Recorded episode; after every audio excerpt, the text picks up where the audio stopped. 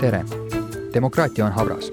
seda näitas Myanmaris korraldatud riigipööre, millega kukutati võimult tsiviiladministratsioon ja koondati võim sõjaväe kätte.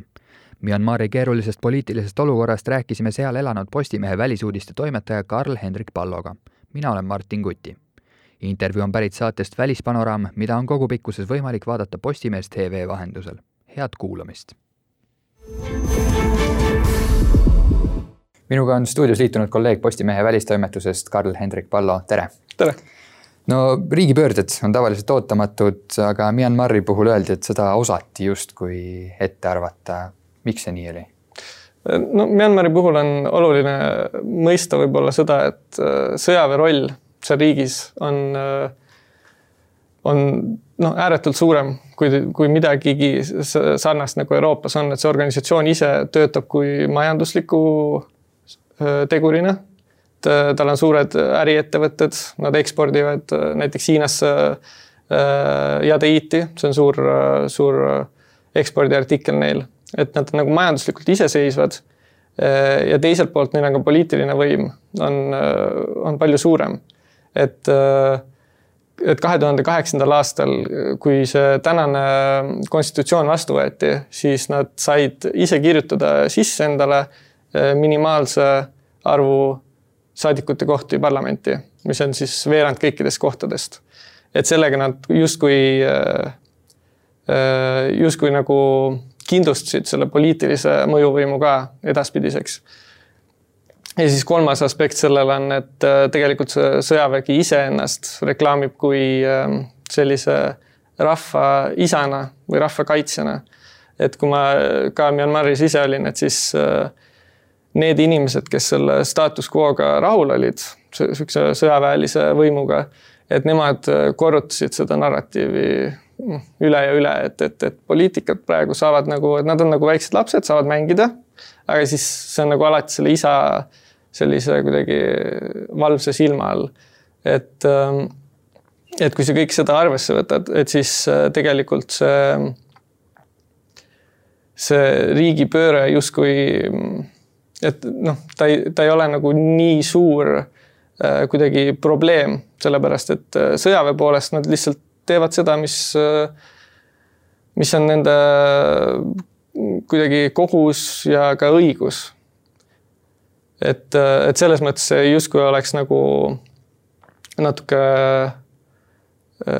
kergem võrreldes, kui näiteks Euroopa riigis sõjaväeline riigipööre oleks no see võimu balansseerimine, natuke rääkisid sellest võimu jagamisleppest äh, tsiviilvõimude ja, ja sõjaväe vahel. no mida see täpsemalt tähendab ja miks seda ei õnnestunud siis niimoodi edukalt balansseerida? et, et nii-öelda see sõjaväelased nägid või sõjavägi nägi, et, et las poliitikud teevad oma asja. aga et meie hakkame siis ühel hetkel jälle ise seda riiki juhtima. jah, et võib-olla, võib-olla seda õiget tasakaalu ei leitudki selle aja jooksul, et et rahva poolt on, ja see on jälle teistsugune meie enda käsitlusele, et meie poliitikuid väga ei, noh, me ei vaata neile alt üles nii palju, et et Aung San Suu Kyi on nagu, ta on nii palavalt inimeste poolt armastatud ja tänu sellele ka see kogu ähm, nii-öelda demokraatiameelste liikumine on nii palavalt armastatud, et tegelikult rahva poolt on äh, on neile täielik toetus. mis äh, jällegi meile võib-olla tundub natuke imelik, et see tundub ka natuke sihuke nagu võib-olla isegi autoritaarse režiimi moodi, et selline isikukultus, aga aga jah, et sõjavägi tegelikult äh, inimeste vaatenurgast äh, ei ole eriti oluline. et, et, et siis ongi, et, et nüüd, kui nad teist korda järjest said suure kaotuse, veel suurema kaotuse kui eelmine kord, et siis äh, võib-olla sõjaväele tunduski, et on vaja natukene paika panna vahepeal, et, et nemad ikka tegelikult juhivad seda, et võib-olla no siit edasi on hea liikuda selle peale, et, et sõjavägi on öelnud, et nad haaravad võimu üheks aastaks ja siis annavad selle üle uuesti valimiste võitjale. kas see on reaalne või näeme me tegelikult praegu uut sõjaväelist diktatuuri sündimas? jah, no aus vastus on see, et, et keegi ei tea, et kuna Myanmar on väga suletud riik olnud, et enne kahe tuhande üheteistkümnendat aastat nad sisuliselt olid, võid võrrelda võib-olla sellise Põhja-Koreaga, et täielik äh, suletud riik ja sihuke nagu paariariik, aga aga, aga keegi ei näinud seda ette, sellepärast et tegelikult kellelgi või kui kellelgi on, siis väga vähestel on mingisugused isiklikud suht-, suhted või suhtluskanalid nende päris otsustajatega seal sõjaväes et, äh, et sellepärast ka, et mis Myanmaris toimub, võib nagu tulla ka poliitikavaatlejatele ja rahvusvahelisele üldsusele väga suure üllatusena, et kaks tuhat üksteist ka, et kui seda demokraatia mm, nii-öelda eksperimenti alustati, et siis tegelikult keegi seda ette väga ei, ei julgenud ennustada, et, et nüüd, et teooriad on erinevad, et see, kes neil oli äh, ülem, vägede ülemjuhataja, et tema tegelikult äh, pidi juulis oma ametist lahkuma, sellepärast et ta saab nüüd äh, kuuskümmend viis vist on see vanusepiirang, et millest äh, nad lähevad pensionile. et, et sisuliselt, et see, see teooria on ka natuke õhus, et võib-olla, et ta soovib pikemaks ajaks võimule jääda mida me üldse teame nende riiki asunud, juhtima asunud kindralite kohta, mida maailm neist teab?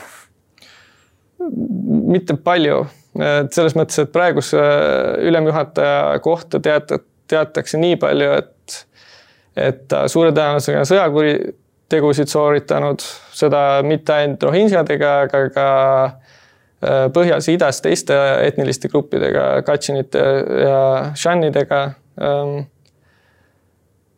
jah, et ma, ma arvan, et selles mõttes, et noh, mina isiklikult ei tahaks sellist inimest riiki juhtimas näha, et äh, mm. -hmm aga no Myanmari ei nähtud ka enne riigipööret päris demokraatliku riigina, sa nimetasid seda enne demokraatlikuks eksperimendiks nii-öelda seda, mis seal alguse sai. kui sa ise seal elasid, siis milline mulje jäi, kas liiguti nagu demokraatia suunas või, või oli see pigem niisugune fassaad?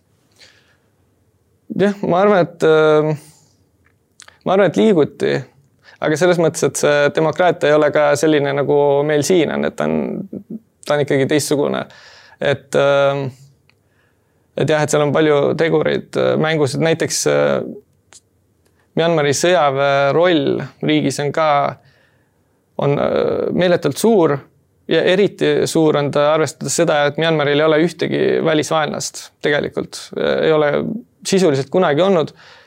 võib-olla sihuke mm, viie-kuuekümnendatel oli rohkem õhus, et noh, et Hiinas oli äh, ja Hiina kodusõja ajal oli ka, et Hiina väed äh, põgenesid ka Põhja-Myanmari. et siis sealt äh, võib-olla oli nagu sihuke välisoht, aga tegelikult mingisugust välisohtu ei ole nagu dekaade olnud. et, äh, et sõjavägi õigustab enda seda rolli sõdadega vähemuste vastu sisuliselt, mis on kõik need mägialad siis. et et, et sellises kontekstis nagu oot-, oodata, et kohe tekib äh, päris demokraatia, et see või noh, mitte päris demokraatia, aga demokraatia, nii nagu meie näiteks Eestis seda mõistame, et seda, seda on natuke palju oodatud. aga, aga see, et valimised toimuvad ja noh in,, inimesed reaalselt armastavad seda parteid küll, et et nad saavad oma meelsust vähemalt näidata, et see, ma arvan, et see on juba väga suur samm sellise riigi jaoks. no rääkisid, et, et Suu Kyi'd rahvas armastab miks see niimoodi on, miks, miks ta neile nii väga meeldib? Äh, jah, selle juured on siis eelmises ähm, suuremas sellises rahva ülestõusus sõjaväe vastu, mis oli tuhat üheksasada kaheksakümmend kaheksa. et seal ta võttis sõna siis äh, rahva äh, kuidagi noh, kuidagi rahvasõbrana või, või teda nähakse kui kui ka selline, et kui sõjavägi on nagu riigi isa, et siis ta on nagu riigi ema võib-olla. aga tema isa oli suur, suur sõjaväesangar tegelikult ja selline äh, legend, et, et juba sellepärast ta on ka natuke kõrgemas seisuses. et äh, kuna Myanmaris äh, britid äh, eemaldasid siis monarhia, et siis võib-olla võib vaadata, et see on nagu sihuke kuidagi modernne monarhia? no rahvusvaheline üldsus vist teda enam nii sõbralikult ei vaata, kui, kui rahvas ise, et äh, põhjuseks siis rohinjadega toimuv. milline oli Suu Kyi roll rohinjade tagakiusamise või isegi siis genotsiidi juures? Äh, seda vist kirjeldati kõige paremini kui selline vaikiv nõusolek.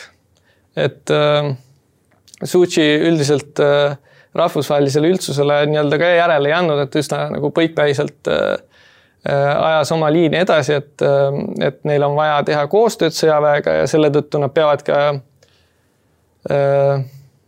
nii-öelda võib-olla mitte nagu mööda vaatama mõnedest asjadest, aga lihtsalt äh, noh, natukene sõbralikumalt selles mõttes suhtuma ja, siin tegelikult äh, ka praegu, et kui nüüd äh, olid novembris olid valimised, et siis äh, sõjavägi süüdistas äh, valimispettuses. ja siis äh, praegu äh, see Demokraatlik partei siis äh,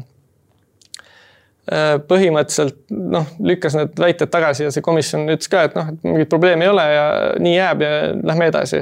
et selline ja, ja selline poliitika kohe tõi selle kaasa, et sõjavägi lihtsalt võttis võimu, et, et võib-olla selles mõttes on ka nagu arusaadav, et miks, miks tegelikult Suchi ei saanud väga sõjaväele midagi öelda, sellepärast et päris võim ei ole tema käes, vaid on ikkagi sõjaväe käes terve aeg olnud.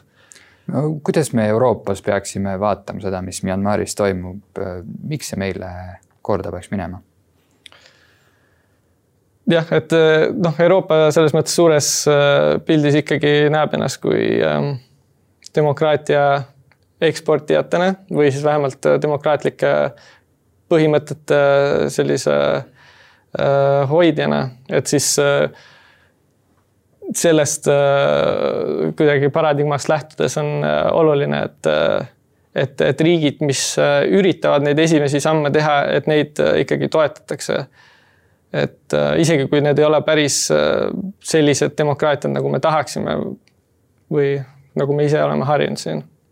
no kuidas ülejäänud maailm, rahvusvaheline kogukond reageeris sellele, mis äh, Myanmaris toimus riigipöördele siis? jah, üldiselt oli lääneriikide poolt hukkamõist, mis on üsna etteaimatav. ASEAN-i riigid sealsamas Kagu-Aasias olid pigem siuksed neutraalsemad mis on ka arusaadav, sest äh, noh, ASEAN-i riigid ise on ka väga mm, erineva taustaga ja mitte äh, ei hiilga võib-olla demokraatiaga, aga jah, Hiina, Hiina jäi ka sellele seisukohale, et, äh, et noh, üldiselt see on, eks ju, riigi siseasi, aga et noh, et toetavad seda, et kõik jõuaks rahuliku lõpplahenduseni ja saaks läbi räägitud. no sealses piirkonnas Hiinal kindlasti on väga suur roll. kuidas iseloomustaksid Hiina ja Myanmari omavahelisi suhteid? Äh, keerulistena, et selles mõttes, et äh, jah, et nad on naabrid. Äh, Hiina on oluliselt tohutult palju suurem kui Myanmar. Samas Myanmaril on oluline strateegiline asukoht. näiteks Hiina uue siiditee raames tahetakse ka, et üks kaubatee läheks siis läbi Myanmari jah, et selles mõttes nagu üks asi on näiteks turg, et, et ma tean seda, et näiteks Põhja-Myanmaris on väga palju ettevõtjaid, kellel on siis Hiina selle Yunnani provintsiga on tihedad sidemed, müüvad sinna riisi ja muid põllumajandustooteid näiteks. sellisel riikidevahelisel tasandil on, on, kuna Myanmar on väga selline natsionalistlik olnud et siis see on tekitanud ühelt poolt äh, pingeid. Äh, kuuekümnendate lõpus, kui ma ei eksi, siis äh, oli ka suurem selline mm,, ma ei teagi, kuidas seda hästi nimetada, aga kohalike hiinlaste vastu igatahes oli selline ülestõus ja need, see oli väga vägivaldne ja verine, seda arvatakse, et sõjavägi ise tegelikult tegi seda, et äh, nad lihtsalt maskeerisid ennast kui nii-öelda tavakodanikeks ja siis käisid mööda tänavaid ja ajasid hiinlasi kokku. et, äh, et jah, et selles mõttes. on olemas. jah, et pinged on olemas jah. aga suur aitäh nende kommentaaride eest. aitäh